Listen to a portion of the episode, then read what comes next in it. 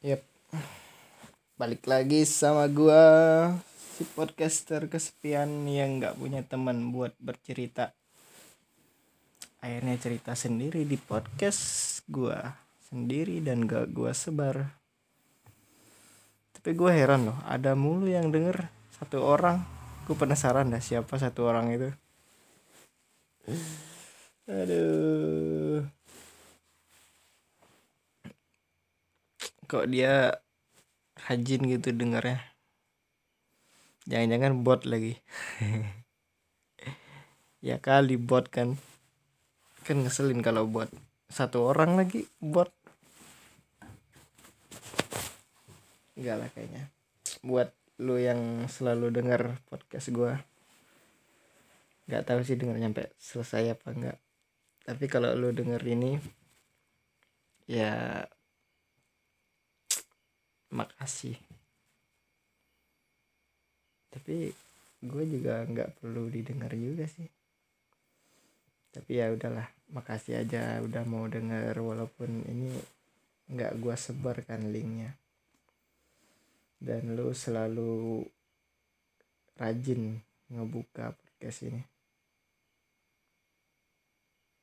Ya kalau lu emang denger beneran denger sih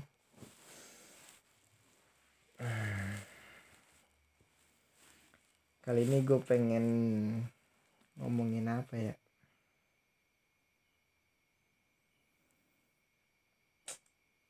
Jadi kemarin tuh sekitar ya kemarin sel, Sabtu itu pupuan gue nikah. Jadi kita tuh kayak hmm, nenek gua. Nenek gua tuh punya orang tua. Nah nenek dia juga punya orang tua. Nah mereka tuh satu orang tua. Intinya nenek gua sama nenek dia itu saudara. Nenek gua sama kakek dia apa nama nenek pokoknya gitulah. Intinya lumayan deket secara kekeluargaan ya ada lah pokoknya ada likatannya. Pergi gua ke sana tuh bantuin lah bantuin. Bikin janur terus bikin tenda ngangkat-ngangkat apa besi besi papan. Buat tenda um, tenda ini tenda tenda tamu sama dapur dapurnya juga dikasih tenda kan biar nggak kehujanan. Jadi kalau orang kampung gue itu nikah dia ini uh, persiapannya seminggu. Uh, duitnya pastilah udah ada. Nah untuk semuanya itu persiapannya seminggu. Lumayan simpel kan orang kalau nikah sebulan persiapannya. Kalau di gue seminggu doang ya mungkin nyewa-nyewa alat. Tapi enggak juga sih. Biasanya kalau alat itu tenda misalkan. Setiap RT itu dia punya tenda sendiri. Tenda bersama lah. Terus papannya juga punya. Jadi nggak perlu nyiapin juga sih sebenarnya. Tinggal ngomong aja gitu. Ya persiapannya lebih dari seminggu lah. Tapi dimulainya mulai bangetnya itu ya seminggu. Enam hari lebih tepatnya. Itu kalau cewek. Kalau cowok itu empat hari atau lima hari. Jadi hari Senin itu gua pasang tenda. Bantuin lah pagi-pagi jam 6 pasang tenda. Dikasih makan sarapan sama minum. Habis itu pulang. Cowok-cowoknya pulang tuh. Bapak-bapaknya ibu-ibunya masih di situ. Ibu-ibunya biasanya itu dia bikin kue. Bikin kue buat tamu buat hantaran entah apa pokoknya ibunya rajin lah ngerjain sesuatu aja pokoknya mereka tuh. Sampai tiga harian tuh. Nah hari keempat ibu-ibunya itu hari hari kelima deh hari keempat ding hari keempat hari keempat ibu-ibunya nyiapin buat makanan nanti malam. Malamnya malam berarti malamnya itu Kamis malam malamnya Jumat. Itu bakal ada acara kawin gantung namanya. Nah biasanya kalau dulu itu akadnya di situ di kawin gantung itu. Tapi kalau sekarang pada ini akadnya di Kuaket kantor KUA gitu. KUA kecamatan. Gue nggak tahu udah apa karena corona atau apa gitu nggak tahu gue Em biasanya malam itu malam kawin gantung itu. Nah itu ada nama kalau kita nyebutnya belaga atau beteket arak-arakan gitu. Jadi mempelai oh iya. Sebelumnya gue pengen ngasih tahu bahwasanya acara itu di dua tempat. Di tempat mempelai laki-laki sama perempuan. Jadi kalau ada mau nikahan tuh di kampung acaranya dua. Di tempat laki-laki punya acara sendiri tempat perempuan juga punya acara sendiri. Dan itu undangnya kadang orangnya itu, itu juga. Yang ini kan gue juga diundang sama mempelai laki-lakinya. Walaupun gue nggak pernah ke sana sih karena nggak ada temen. Nggak ada temen buat ke sana. Ya gitu dia di tempat laki-laki juga ada acara sama caranya juga bikin kue ibu-ibunya. Terus malam ketiga kan dia kalau laki-laki itu dia lebih cepat lebih lap, lebih sedikit harinya. Malam ketiga baru dia mempersiapkan apa apa yang dibutuhkan buat datang ke tempat cewek. Itulah dia belaga namanya. Dia dia datang bawa kompangan sama bawa orang beberapa lah beberapa puluh orang. Nyamperin ke rumah cewek. Datang ke sana. Aku masih ingat banget dulu tuh kalau acaranya kayak gitu. Kita datang nih set dan nyampe di depan rumahnya. Terus ada ini dari tuan rumah ceweknya bilang naik lagi galau naik lagi galau katanya gitu. Aduh. Itu kayak naik semua semuanya naik. Naik kan rumah di Jambi kan di kampung kan rata-rata panggung tuh.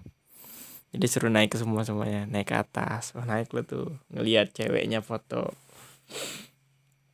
Habis ngaji-ngaji tahlilan segala macam makan baru foto-foto tuh si ini. Mempelai resmilah mereka nikah tuh. Nah besoknya lagi. Besoknya lagi tuh datang lagi. Malam sebelum hari H tuh mempelai laki-laki datang lagi ke rumah cewek. Dia belagak lagi belagak belagak tuh ya tadi arak-arakan tadi kan. Pakai kompangan lagi. Terus mereka foto-foto lagi itu dia majang namanya majang. Sabtu majang Senin Labu. Apa Minggu Labu gitu biasanya. Itu malam majang. Habis itu besoknya itu belum masih dipisah tuh mempelainya tuh. Habis ketemu pisah lagi. Habis ketemu pisah lagi. Sampai besoknya mempelai laki-laki bikinlah hari H di rumah perempuan itu biasanya yang perempuan ya bakal khataman Quran dulu. Khataman Quran terus baca berjanji baca berjanji baca Al-Quran lagi. Eh bukan baca Al-Quran baca berjanji terus baca klu tahlil. Habis selesai klu tahlil datanglah ini eh enggak deh. Habis selesai berjanji nah itu di tempat laki-laki itu udah selesai semuanya. Dari baca berjanji sampai keluar tahlil di tempat laki-laki udah selesai udah makan.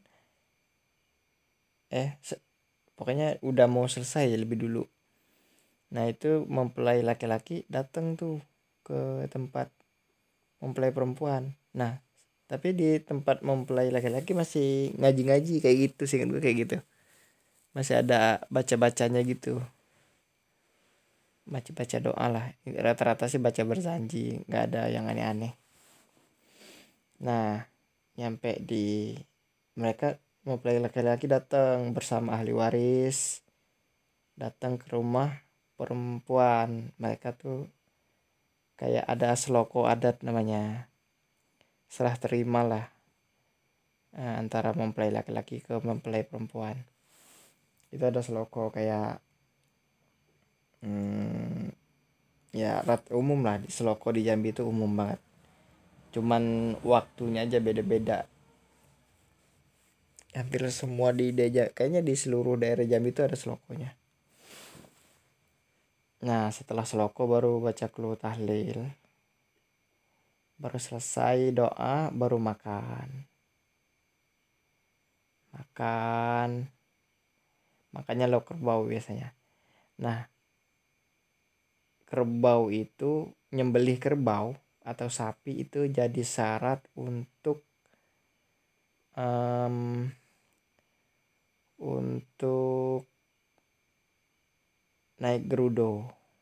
Gerudo tuh kayak di kayak tandu kayak tandu atau apa ya namanya sekedup kali ya.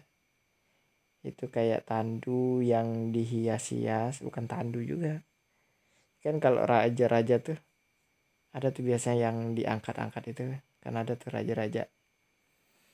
Kayak di, terus dipanggul sama orang-orang kan. Nah kayak gitu tapi bentuknya kayak burung garuda gitu. Kayak burung lah intinya walaupun nggak kayak garuda sih tapi orang jam orang mersam tuh nyebutnya gerudo geudo geudo. Ya kalau di Indonesia kan garuda. Naik gitu. Naik itu syarat untuk naik gerudo. Nyembeli kalau nggak nyembeli gu apa sapi atau kerbau nggak boleh naik gudo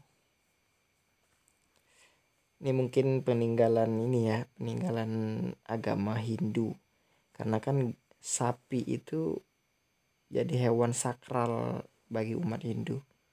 Nah uh, untuk dan Garuda juga hewan sakral kan. Garuda itu kan uh, apa namanya kendaraannya Wisnu kan nah, Dewa Wisnu. Nah harus nyembelih sapi dulu buat pengorbanan. Kalau istilah apa kalau bayangan gue kayak gitu. Nyembelih sapi dulu buat pengorbanan kepada Dewa Wisnu supaya dipinjamin uh, hewan kendaraannya. Tapi kan ini udah nggak ada lagi.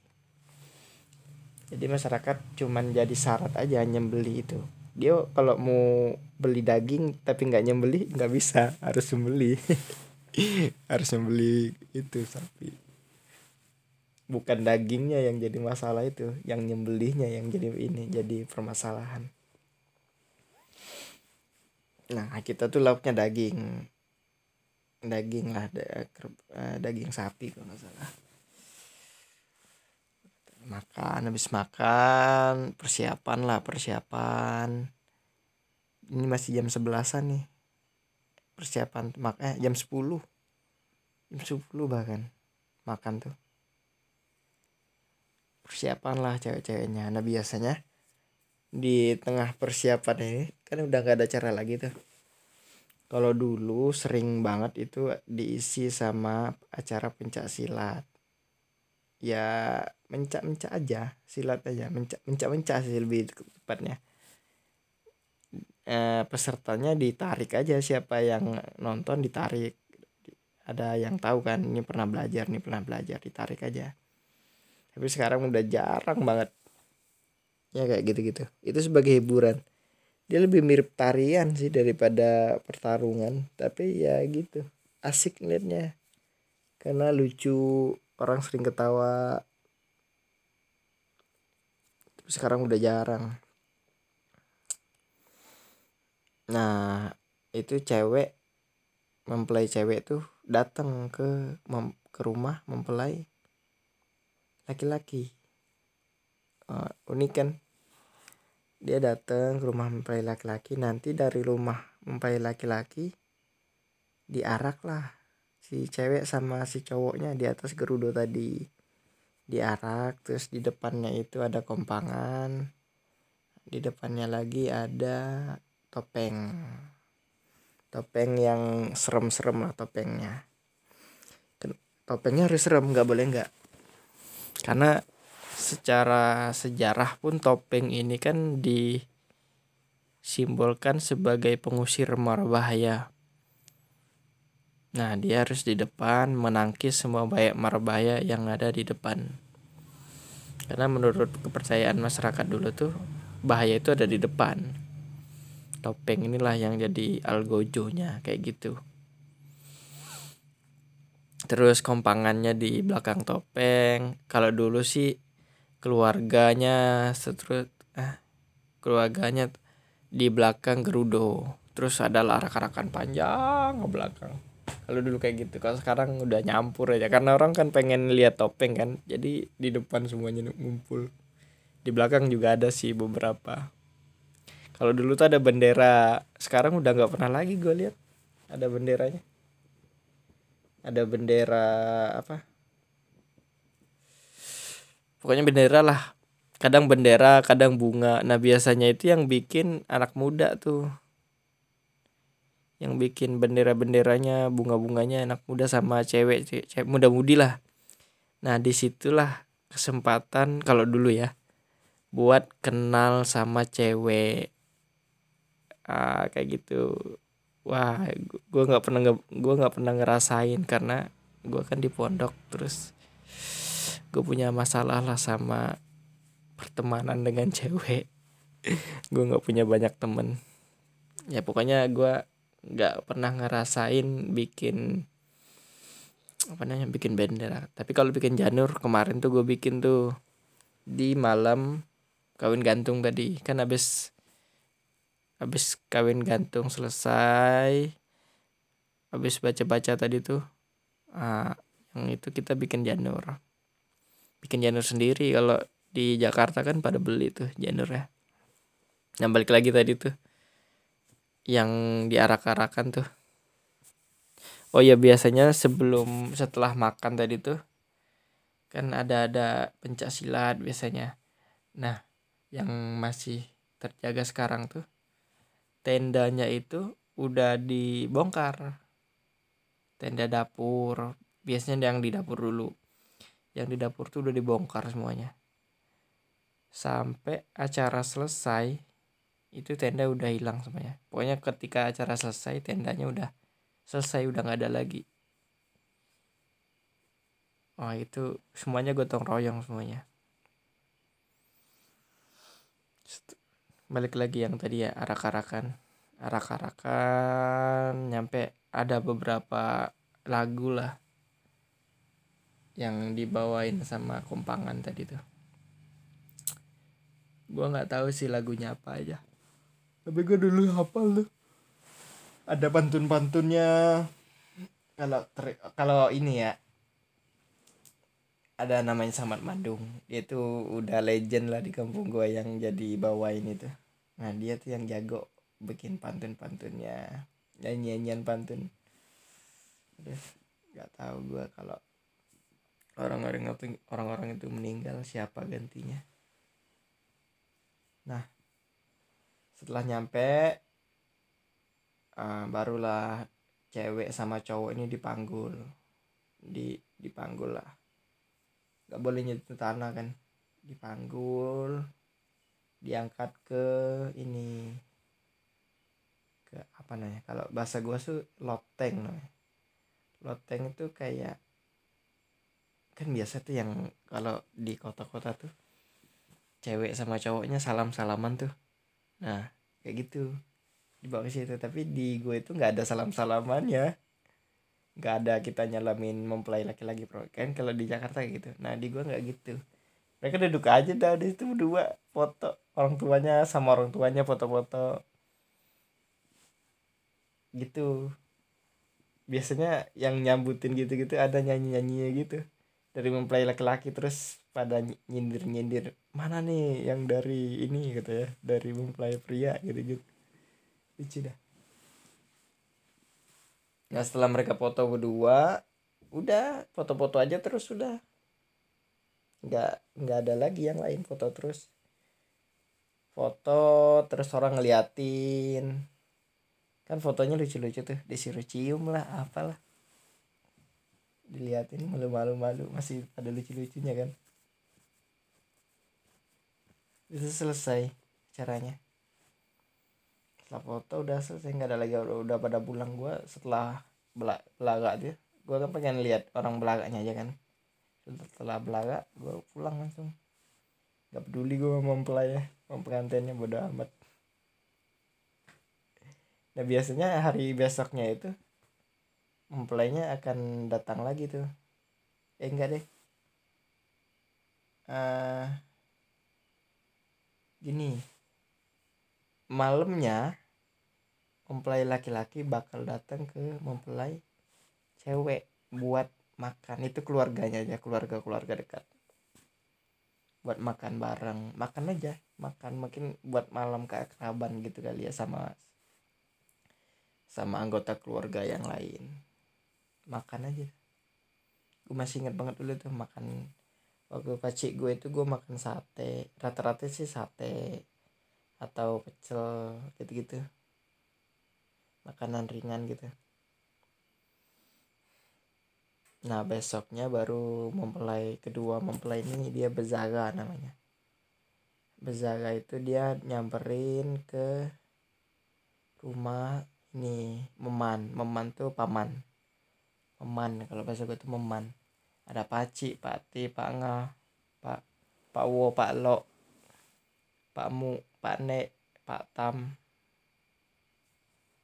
Semuanya ada. Semuanya ada. Udah. Uh, nyamperin tuh ke rumah-rumah. Biasanya bawain kue kan sisa-sisa kue kemarin dibawain dikasih. Biasanya Pak T Pak Nga itu dia ngasih duit tuh. Mak T Mak Nga gitu lah Pak Meman Meman Bibi Meman sama ini. Gue nggak tahu bahasa guanya itu buat bibi apa. Meman juga kali ya.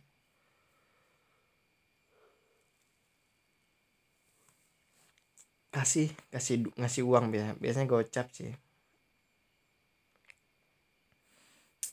jadi biasanya tamu itu dia ngasih rata-rata itu gocap tapi bukan berbentuk duit.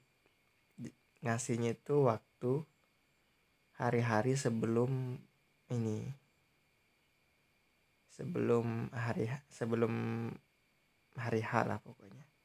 Kayak waktu buat kue dia bawain tepung bawain telur gitu-gitu rata-rata habisnya 50 70 ribu. Nggak ada saat ini nggak ada amplop nggak nggak ada dalam tradisi gua amplop itu nggak ada. Jadi jangan harap kalau nikah sama orang mersam dapat amplop. Kalau nikahnya adat mersam ya jangan harap dapat amplop. Duitnya itu setelahnya justru. Dan itu nggak seberapa kan rata-rata gocap dua puluh ribu juga ada itu nggak banyak lah duitnya.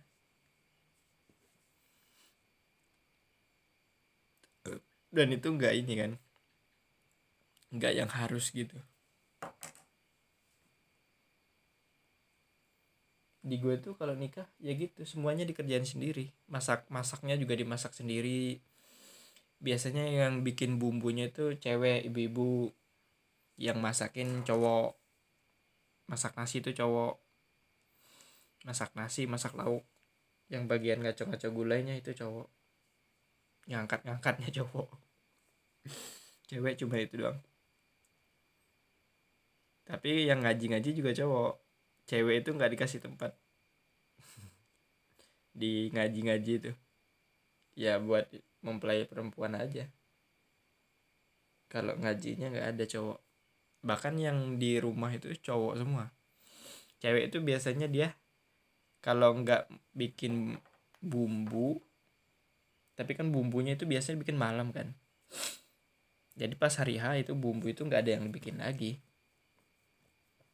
Jadi untuk hari H itu masak-masak semuanya cowok yang cuci piring cewek. Kan nggak mungkin semuanya nyuci piring kan. Biasanya cewek itu duduk-duduk aja kerjaannya. Duduk-duduk uh, apa namanya? Ngerumpi terus kalau jagain anak kalau ada jajan. Kasih jajan buat anak kan anaknya gitu gue dulu biasanya juga. Nah nanti yang nyiapin makan baru cewek lagi. Yang nyiapin makan tuh cewek. Ya, terus yang angkat-angkat cowok lagi mak jadi makannya itu kan dia nggak berbentuk prasmanan kan? Udah dipiringkan nasinya dipiringin terus lauknya biasanya satu piring itu lauknya dua buat satu orang dua potong. Dimasukin dalam ceper ceper itu apa ya namanya ya? Ceper itu kan biasa kalau orang Arab tuh yang makan di tempat yang lebar itu yang bareng-bareng tuh tau gak sih? Yang kayak gitu deh. Gue nggak tahu bahasa Indonesia nya apa. Ceper lah pokoknya. Masukin tuh biasanya dua nasi dua dua lauk dua piring lauk terus sama air air aqua satu masing-masing satu. Kalau dulu nggak ada aqua kan. Air minum ribet lagi dulu tuh.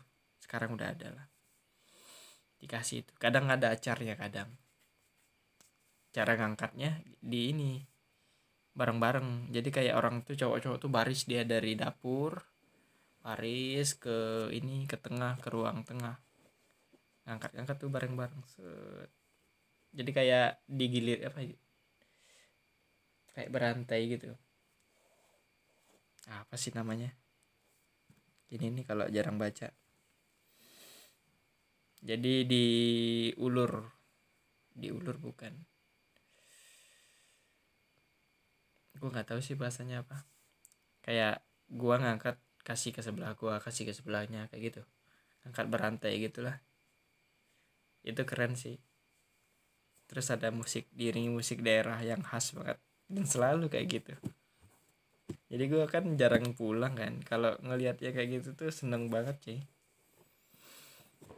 seneng banget karena yang kayak gitu tuh nggak ada di tempat lain. Setidaknya gue nggak nemuin di tempat lain.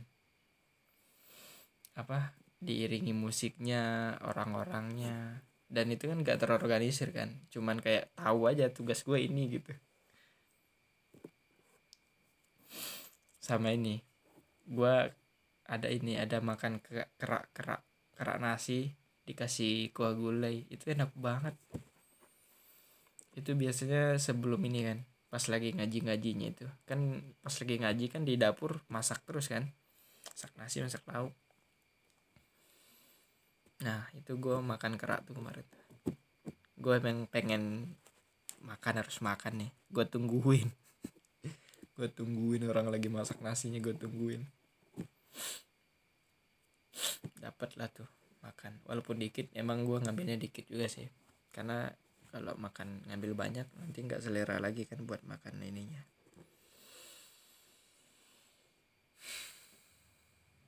Gitulah dulu. Kalau dulu tuh ada yang jualan sagon. Masih banget inget buat gue jualan sagon. Jualan es krim biasanya jualan es batang. Jualan lotek ada dulu tuh. Tapi jarang sih kalau lotek. Biasanya sagon apa namanya? Nyipida. Nyipida namanya. Mau pida mau pida sekarang udah mau pida udah nggak jualan lagi. Udah jarang deh jualan. Enak banget tuh dia tuh dulu. Dia khas banget dari jualan sagon. Masih ingat banget gue mau pindah tuh dia kayak dia naik haji dari itu deh. Naik haji dari dia jualan sagon. Naik haji dia. Dari situ. Gokil nggak tuh emang perjuangan beliau tuh. Gitu kalau di gua kampung gua ada acara nikahan tuh. Masih tradisional banget. Tapi belakangan adalah yang ngasih duit amplop. Biasanya itu setelah acara adat selesai uh, baru dikasih kesempatan buat bikin model acara amplop amplop gitu kasih duit. Dan itu nggak nggak jar jarang banget sih. Beberapa doang. Kalau dulu tuh nyembelih kerbau itu jarang banget orang nikah tuh nyembelih kerbau. Kalau sekarang rata-rata nyembelih kerbau gengsi. Karena selain gengsi ekonomi inilah lebih baik lah dari yang dulu kalau dia ini kalau dia nggak pakai kerbau jadi laki-lakinya itu disunggi. Disunggi itu kayak di nggak digendong apa sih yang kayak disunggi itu? Kayaknya disunggi itu bahasa Indonesia deh. Coba lu cari di KBBI disunggi. Ini kayak ini gini dia bentuknya. Cowok itu duduk cowok sama ceweknya itu. Cowok kalau cowok. Cowoknya itu duduk di ini di bahunya orang. Itu disunggi ya namanya. Ceweknya juga gitu. Ceweknya dipanggul sama dua orang. Ceweknya dua orang yang manggul. Singkat gue kayak gitu dulu. Kalau dia enggak ini nggak nggak nyembeli kerbau soalnya sekarang udah jarang banget yang ini. Yang nggak nyembeli kerbau rata-rata nyembeli semua. Kan syaratnya kan masing-masing kan. Kalau cowoknya nyembeli itu udah memenuhi syarat. Kalau cowoknya nggak nyembeli nih tapi ceweknya nyembeli itu naik udah memenuhi syarat juga. Setidaknya salah satu lah yang nyembeli adat-adatnya. Topeng tuh pokoknya syarat nyeker apa syarat topeng kerudu itu harus nyembeli kerbau. Kalau nggak ada ya nggak bisa. Dulu ada untuk kapas tapi sekarang udah nggak ada lagi untuk kapas gue nggak tahu dah disuruh serem-serem. Tapi unik karena di topeng itu kayaknya di Jambi itu cuman di kampung gua deh. Sama dia ada di Moro Jambi topeng. Tapi bukan di acara nikahan dia. Ada lagi kalau di Sarolangun tuh ini timbangan. Timbangan apa ayunan gitu lupa gue tapi kayaknya lebih mirip ke ayunan tapi namanya timbangan. Di ayun tuh sama ayunan kayaknya ceweknya diayunin sama cowoknya gitu ganti-gantian. Itu adat Sarolangun tuh. Unik-unik adat Jambi tuh.